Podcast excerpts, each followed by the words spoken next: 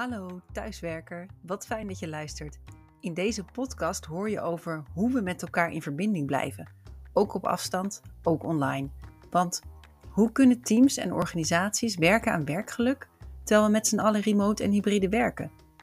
Elke week spreek ik met experts op het gebied van tools, technieken en werkvormen. Mijn naam is Jasmijn Mioch en ik ben de gelukkige thuiswerker.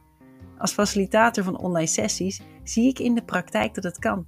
Jezelf zijn, bevlogen zijn, een team zijn, ook in online tijden. Welkom bij de gelukkige thuiswerker. Vandaag gaan we het over stress hebben. Stress heeft een negatief imago. Onterecht, zegt Cecile de Roos. Zij is arbeid- en organisatiedeskundige. In maart 2023 kwam haar boek Stress zit niet tussen je oren uit. Van harte welkom, Cecile. Fijn dat ja, je er bent. dankjewel. Ja, Ja, heel leuk. Ja, jij zei net tegen mij, stress bestaat niet. En toch heb je er een boek over geschreven. En ik vind het ook een heel dappere uitspraak. En je vertelde mij, mensen worden er zelfs boos over. Wat bedoel je daarmee, stress bestaat niet? Nou, dat ons stresssysteem, daar heb ik eh, me over verbaasd hè, met de coronaperiode, dat heel veel mensen anders reageren op veranderingen. En toen ging ik me daarin verdiepen en toen kwam ik erachter van ja, zo noemen we ons systeem. Om om te gaan met veranderen noemen we stresssysteem.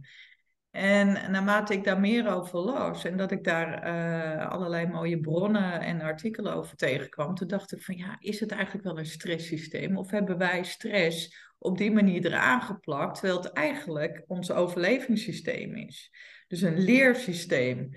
Dus naarmate ik er meer over las en ook eh, las dat wij eh, in staat zijn door dat stresssysteem, zoals we dat noemen, om met dag-nachtritme op te gaan. Dus als je op vakantie gaat van Nederland naar Amerika, dan dankzij je stresssysteem eh, kun je leren met die nieuwe klimaatsituatie en met het nieuwe dag-nachtritme om te gaan. Nou, toen dacht ik, hoe mooi is dat eigenlijk? Ja, dus En jij door zegt, stress- is eigenlijk een leersysteem, een ja, copingsysteem. Ja, ja, precies.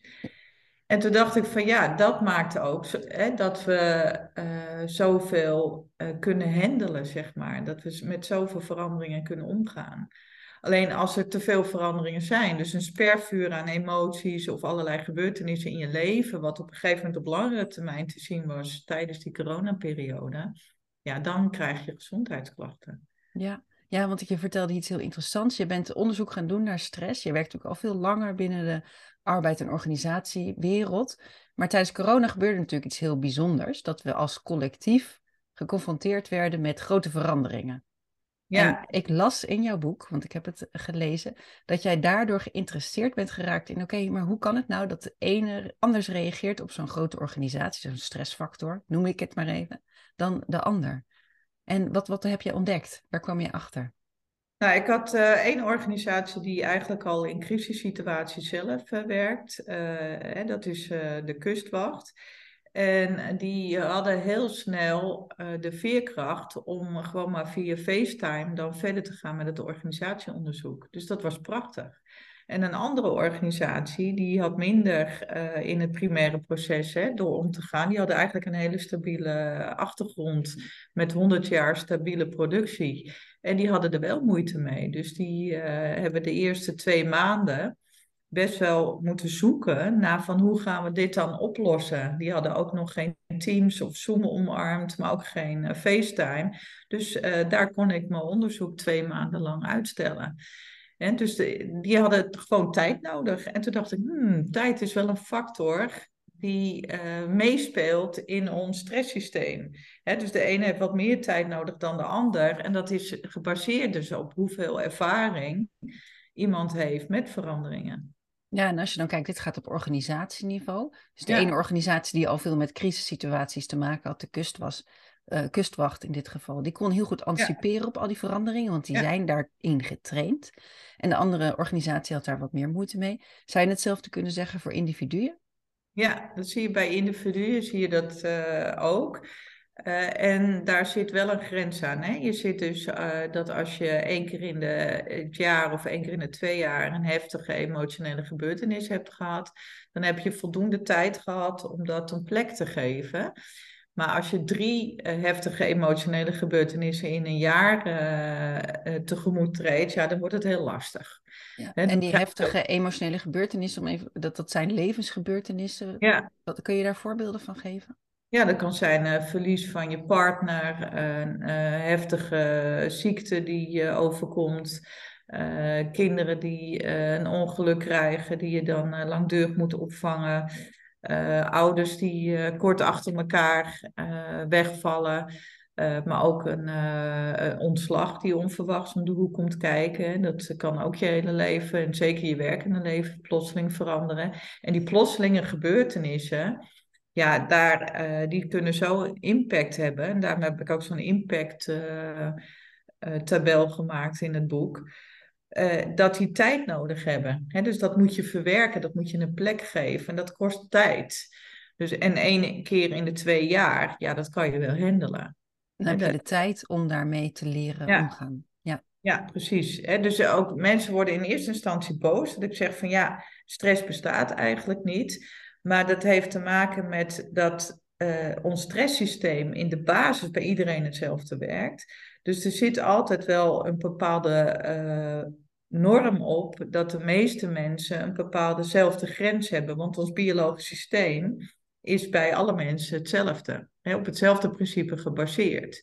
Ja. En uh, ja, da daar hebben we op een gegeven moment, na een jaar van veel gebeurtenissen of veel veranderingen, allemaal last van. En dat zag je mooi tijdens die coronatijd. Dan kon je dat via de CBS-cijfers volgen hoe het stond met de psychische belasting. Dus dat vond ik daaraan mooi. Ik merkte dat ik aan het lachen ben, terwijl het helemaal niet leuk is. Want tijdens die coronaperiode zag je die cijfers van het CBS en andere onderzoeksinstituten gewoon stijgen. Dat mensen, en ook met name jongeren bijvoorbeeld, heel erg hoog in die stress of in die nou ja, psychische problemen kwamen. ja, maar niet in de eerste maand. Dus het grappige is, in dat eerste jaar uh, kelderde de psychische klachten van 7,3% naar 5,2%. En toen ging hoe kan dat, dan?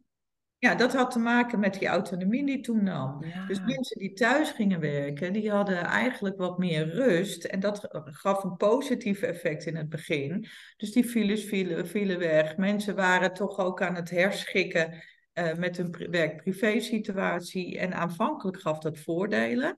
Maar toen het langer duurde, dan krijg je een stapeling van allerlei veranderingen. Want die kinderen kwamen thuis, die moesten gaan leren. Op een gegeven moment, uh, een van de partners kon zijn baan verliezen. Er kwam wat spanning op uh, budget of op uh, de financiële situatie. En dan zie je dat dat een domino-effect heeft naar andere veranderingen. Ja, en dan krijg je een omslagpunt. En die kwam na een jaar. En dat zag je dan ook terug in die cijfers. Ja. ja, en uh, ja, dat is fascinerend. Dat werkte dus voor iedereen uh, die dat domino-effect uh, ervaarde, hetzelfde. En dat verklaarde eigenlijk ook wat mijn hypothese was: van ja, dat zit bij iedereen wel ongeveer hetzelfde. En dan krijg je last van chronische stress. En dan wordt hij ongezond. Dan wordt hij ongezond en dan krijg je alle nadelige gevolgen van dien. Voordat we even daarop inzoomen, wil ik terug, want jij zei iets heel interessants. In jouw boek staat een tabel met een impact scoren. Of ja. zo noem je dat. Hè? En dat gaat over die levensgebeurtenissen en hoeveel tijd het kost om daarmee om te leren gaan. En waarom heb jij die tabel in je boek toegevoegd? Nou, omdat uh, burn-out vaak gerelateerd wordt aan psychische belasting in relatie tot werk. Uh, terwijl, uh, hè, dat is van oudsher zeg maar, vanuit die theorie. Terwijl we ons brein niet op het nachtkastje laten liggen maar ook niet op het werk thuis laten en dan thuis fris met een nieuw brein uh, binnenkomen, omdat je brein. Uh, een werkbrein en een thuisbrein, dat bestaat niet. Nee. nee, dus ik had echt zoiets van ja, weet je, dat, dat, uh, ja, dat, dat is één. Je bent één persoon. En uh, de ene, s morgens zit hij nog thuis, en smiddags zit hij op het werk en dan komt hij weer thuis, uh, dat brein. En uh, die stress of die spanning of die emotionele gebeurtenissen neem je natuurlijk ook mee naar je werk of andersom. Ja. Als je op je werk ruzie hebt gehad, dan, nou ja, dan maak er maar een lange diner van, want dan moet je even iets kwijt thuis. Ja, hè? Zeker. Je partner.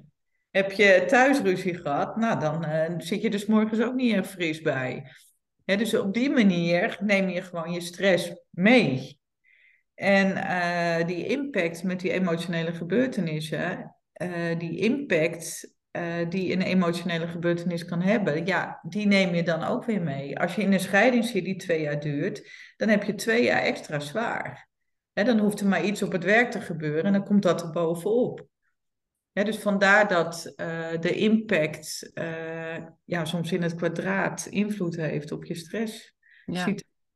En die tabel is dan ook echt geschikt voor mensen die bijvoorbeeld binnen HR werken binnen organisaties, om te kijken van oké, wat is er aan de hand met dit verzuim?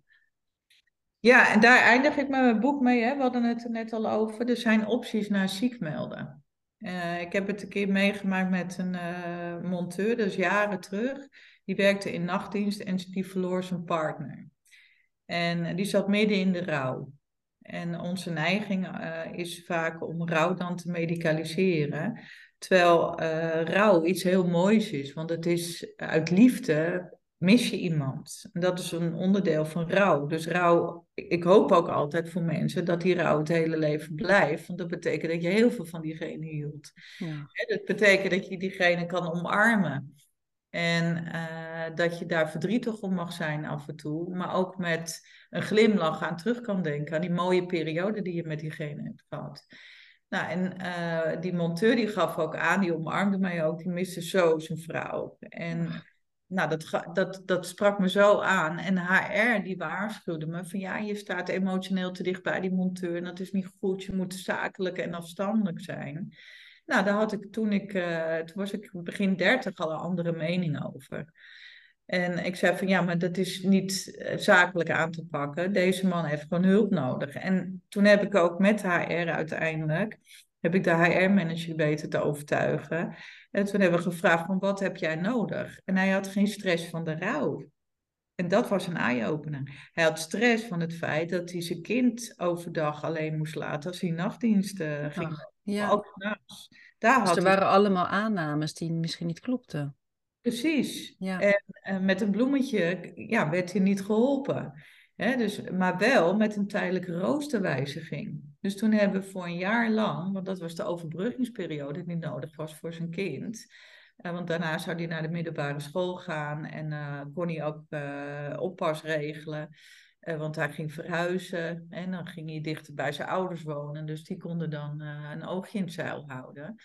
En dat, die jaar, dat jaar heeft hij dus ook geen nachtdienst hoeven te draaien. Dan kon hij alles regelen.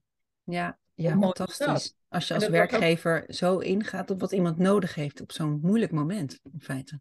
Ja, en uh, ook een eye-opener voor HR was dat. Hè? Van, ja, jij heeft dus geen stress van de rouw, hè? want rouw is een onderdeel van hem geworden. Hij hield zielsveel van zijn vrouw, dus dat blijft heel lang uh, lekker bij hem, zeg maar. Maar die stress kreeg hij van de onzekerheid over hoe hij zijn kind kon opvangen.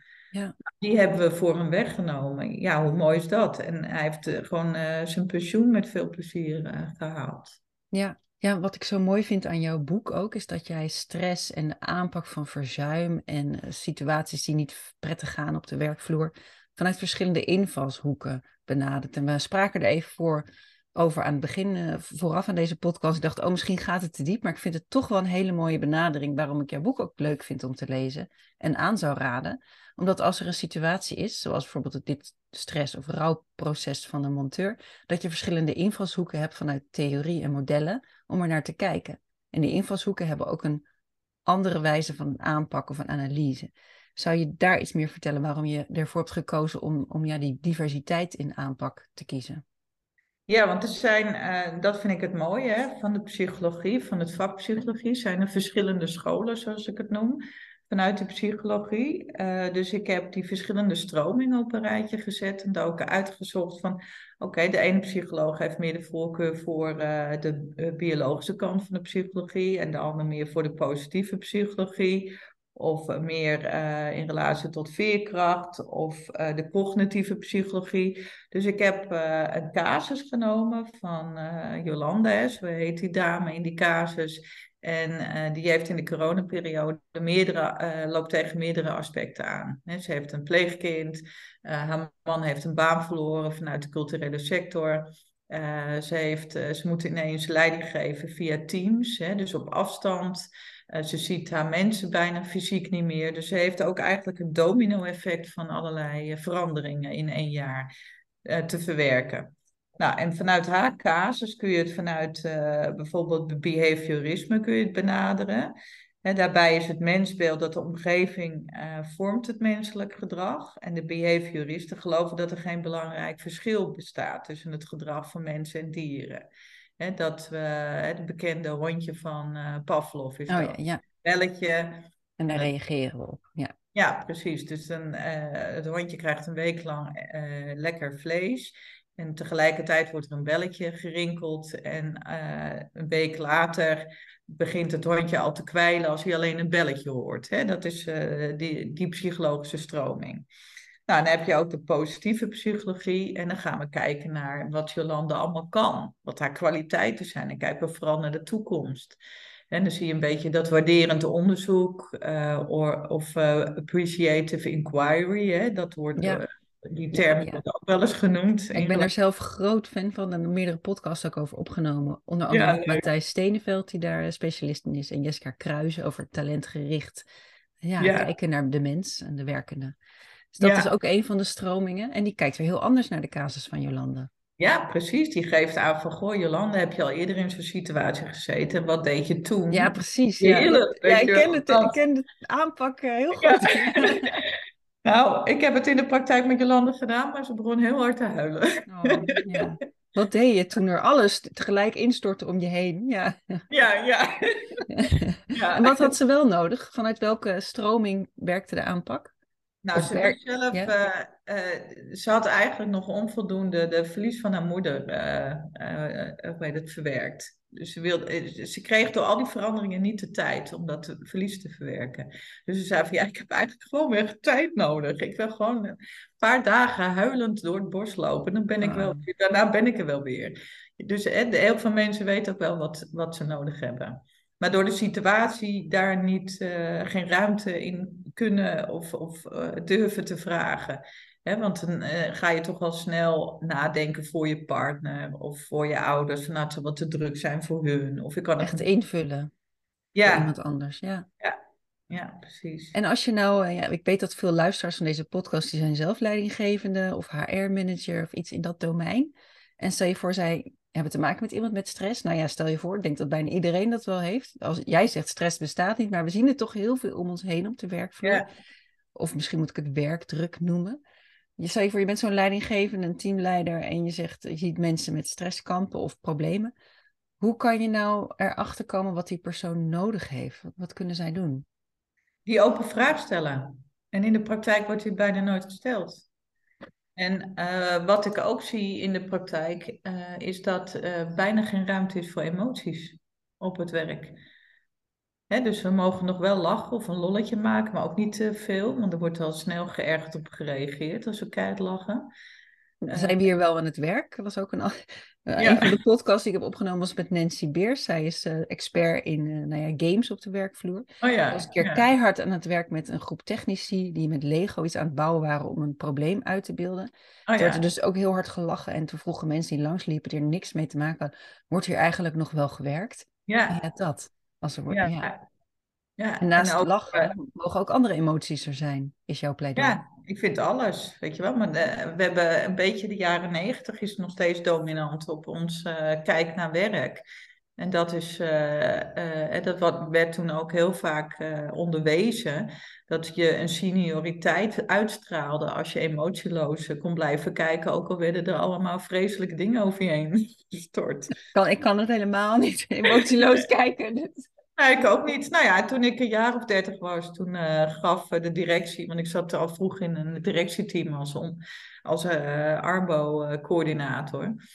En als manager kan. En toen gaf de directie ook aan van, ja, Cecile, jij moet één ding afleren, of aanleren eigenlijk. Je moet een pokerface opzetten. Nou, en toen kwam toevallig later dat ene nummer uit.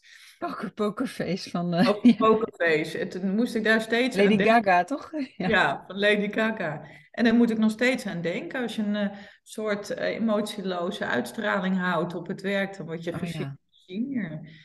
Oh, dan, dan ben je serieus te nemen en dan ben je de senior manager. Of, ja. ja. En dat lijkt nog steeds een beetje dominant, die overtuiging. Ja, ja, en ik vroeg je inderdaad, hoe kun je erachter komen hoe het echt, wat iemand echt nodig heeft uh, op het werk, die kamp met werkdruk of stress. Toen zei je die ene open vraag stellen. En, ja, wat heb je nodig? Wat heb je, nodig? Ja. ja. Want ik stel hem altijd aan het einde van alle werkdrukonderzoeken. Hè, van stel dat je eigenaar zou zijn van deze organisatie, wat zou je dan aanpakken? En wat heb jij nodig om je werk goed te doen? En dan zet ik het altijd op een rijtje, gewoon quote ik het. Dan heb ik dan zeg maar 30 mensen gevraagd uh, om uh, daar antwoord op te geven. En alle 30 quotes zet ik er dan in. En dan word ik wel eens gebeld door die leidinggever als ik die rapportage indien.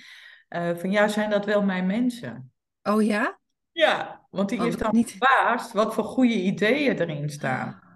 En dan, Zo, geef, ja. Ja, en dan geef ik wel eens terug van ja, het zijn echt jouw mensen. Ja, ik heb gewoon gequote wat zij uh, teruggaven, maar misschien moet je wat vaker met ze praten. Zo, heftig joh. Ja. Dat ze het gewoon niet weten wat voor een rijkdom er in het team eigenlijk zit aan kennis.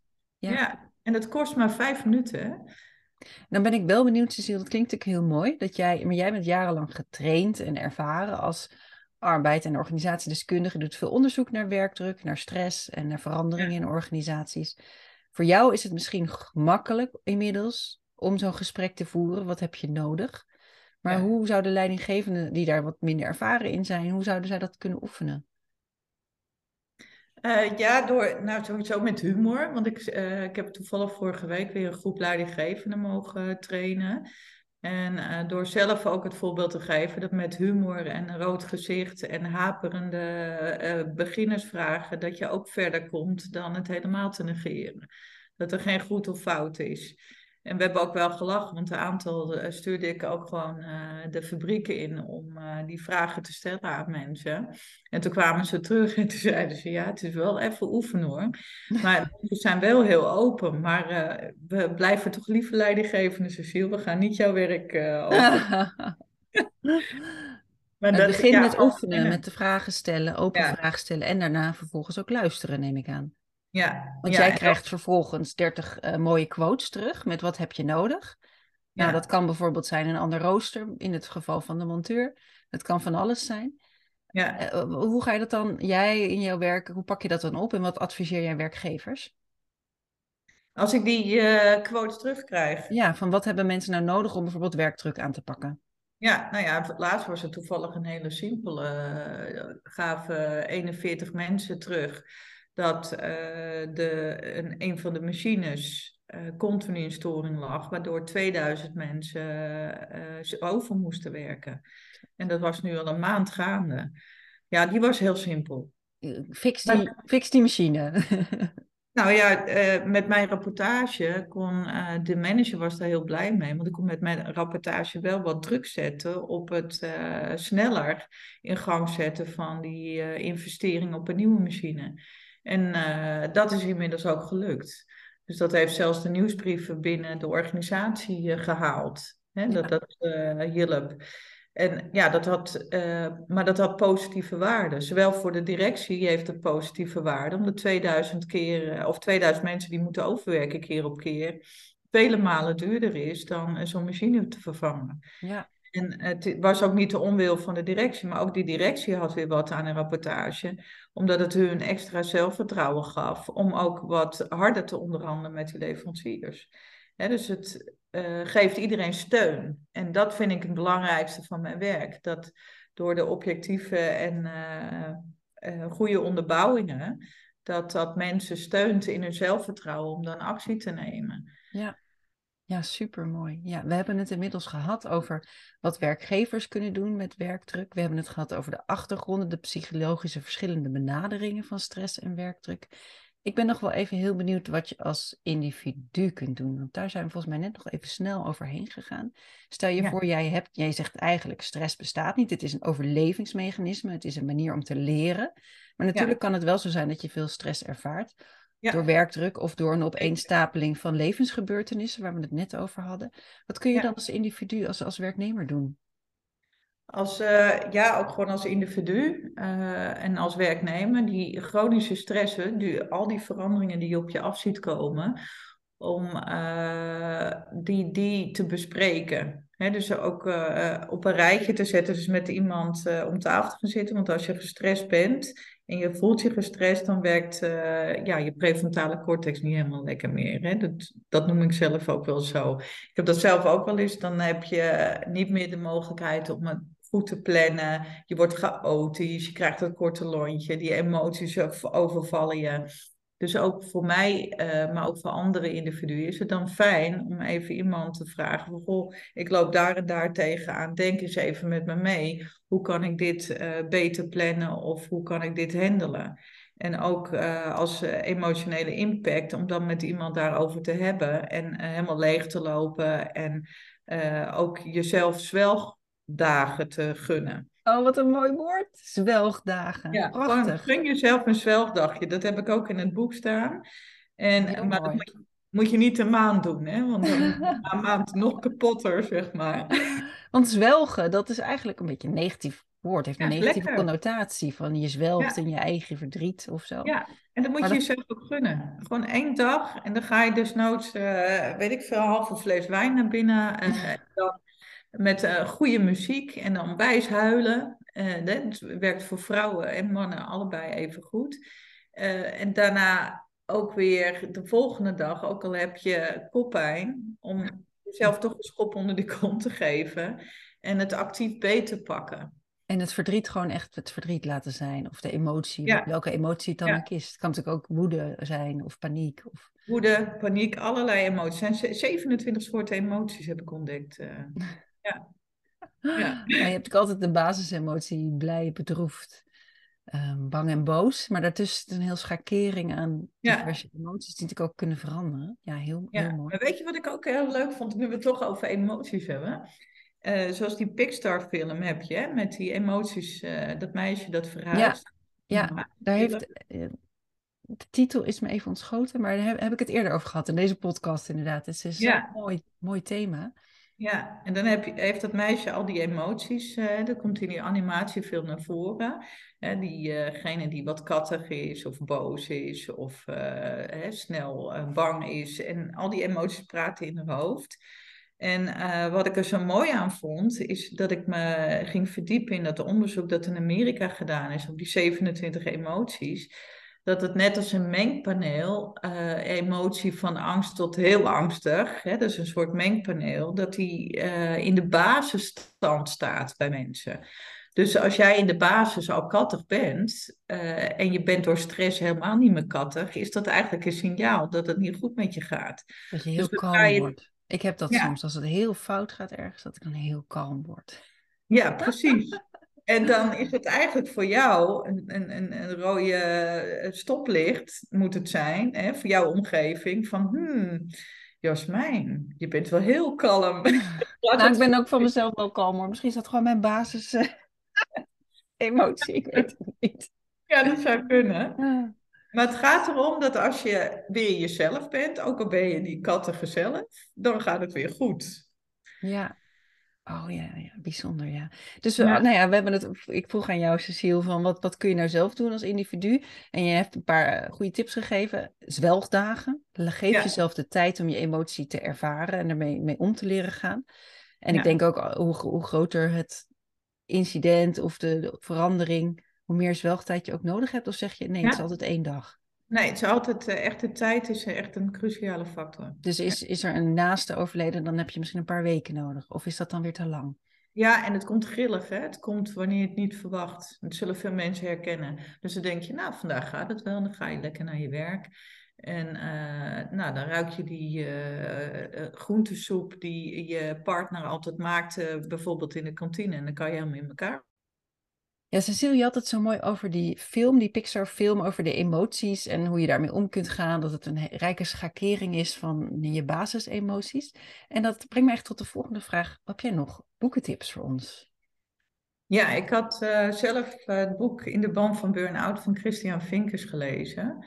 En dat vond ik ook een heel uh, persoonlijk boek en zelf wel fijn door te lezen. En hij raakte ook met ja, zijn filosofische reflectie op, op het hele discussie, zeg maar.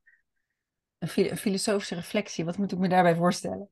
Uh, ja, hij reflecteerde dus op de hele discussie die in de maatschappij gaande is. En, en daar pakte hij uh, ook uh, artikelen uit die hij had gelezen, of meningen of onderzoeken die gedaan zijn in de praktijk. Ja. En dat vond ik wel heel mooi van Christian Vinkers.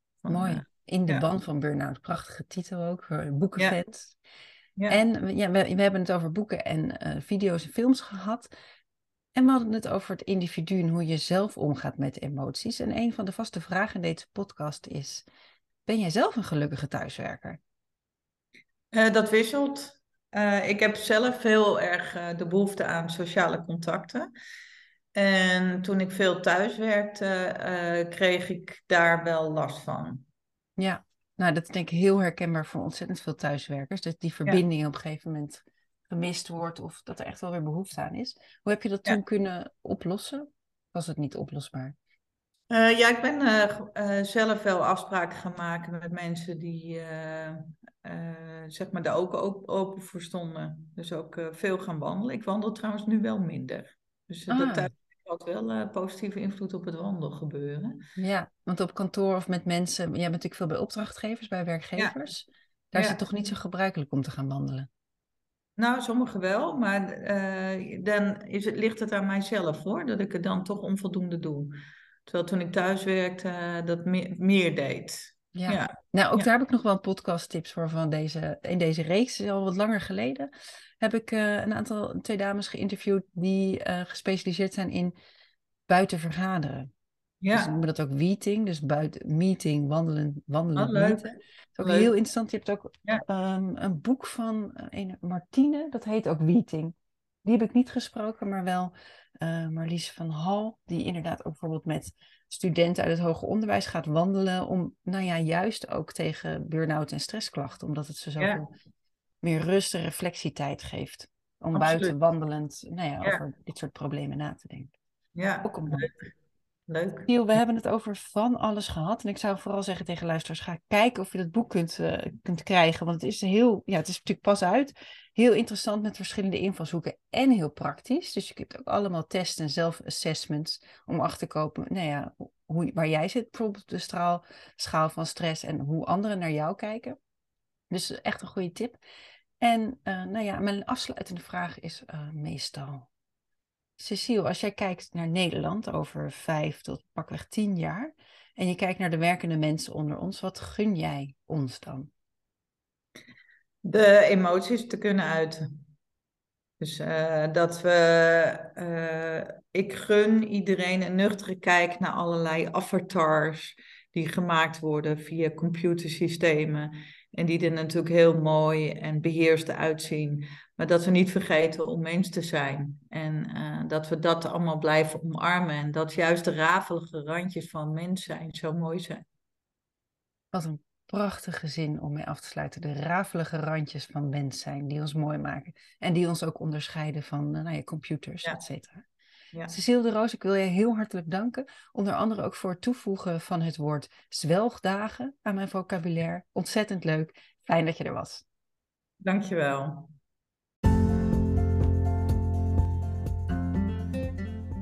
Dankjewel voor het luisteren naar De Gelukkige Thuiswerker. Heb jij zelf tools en tips die iedereen moet kennen? Laat het me weten. Of heb je een prachtig praktijkvoorbeeld? Bel me dan gerust. Vond je deze podcast de moeite van het luisteren waard? Laat dan een review achter en deel de podcast in je netwerk of op social media. Veel geluk iedereen!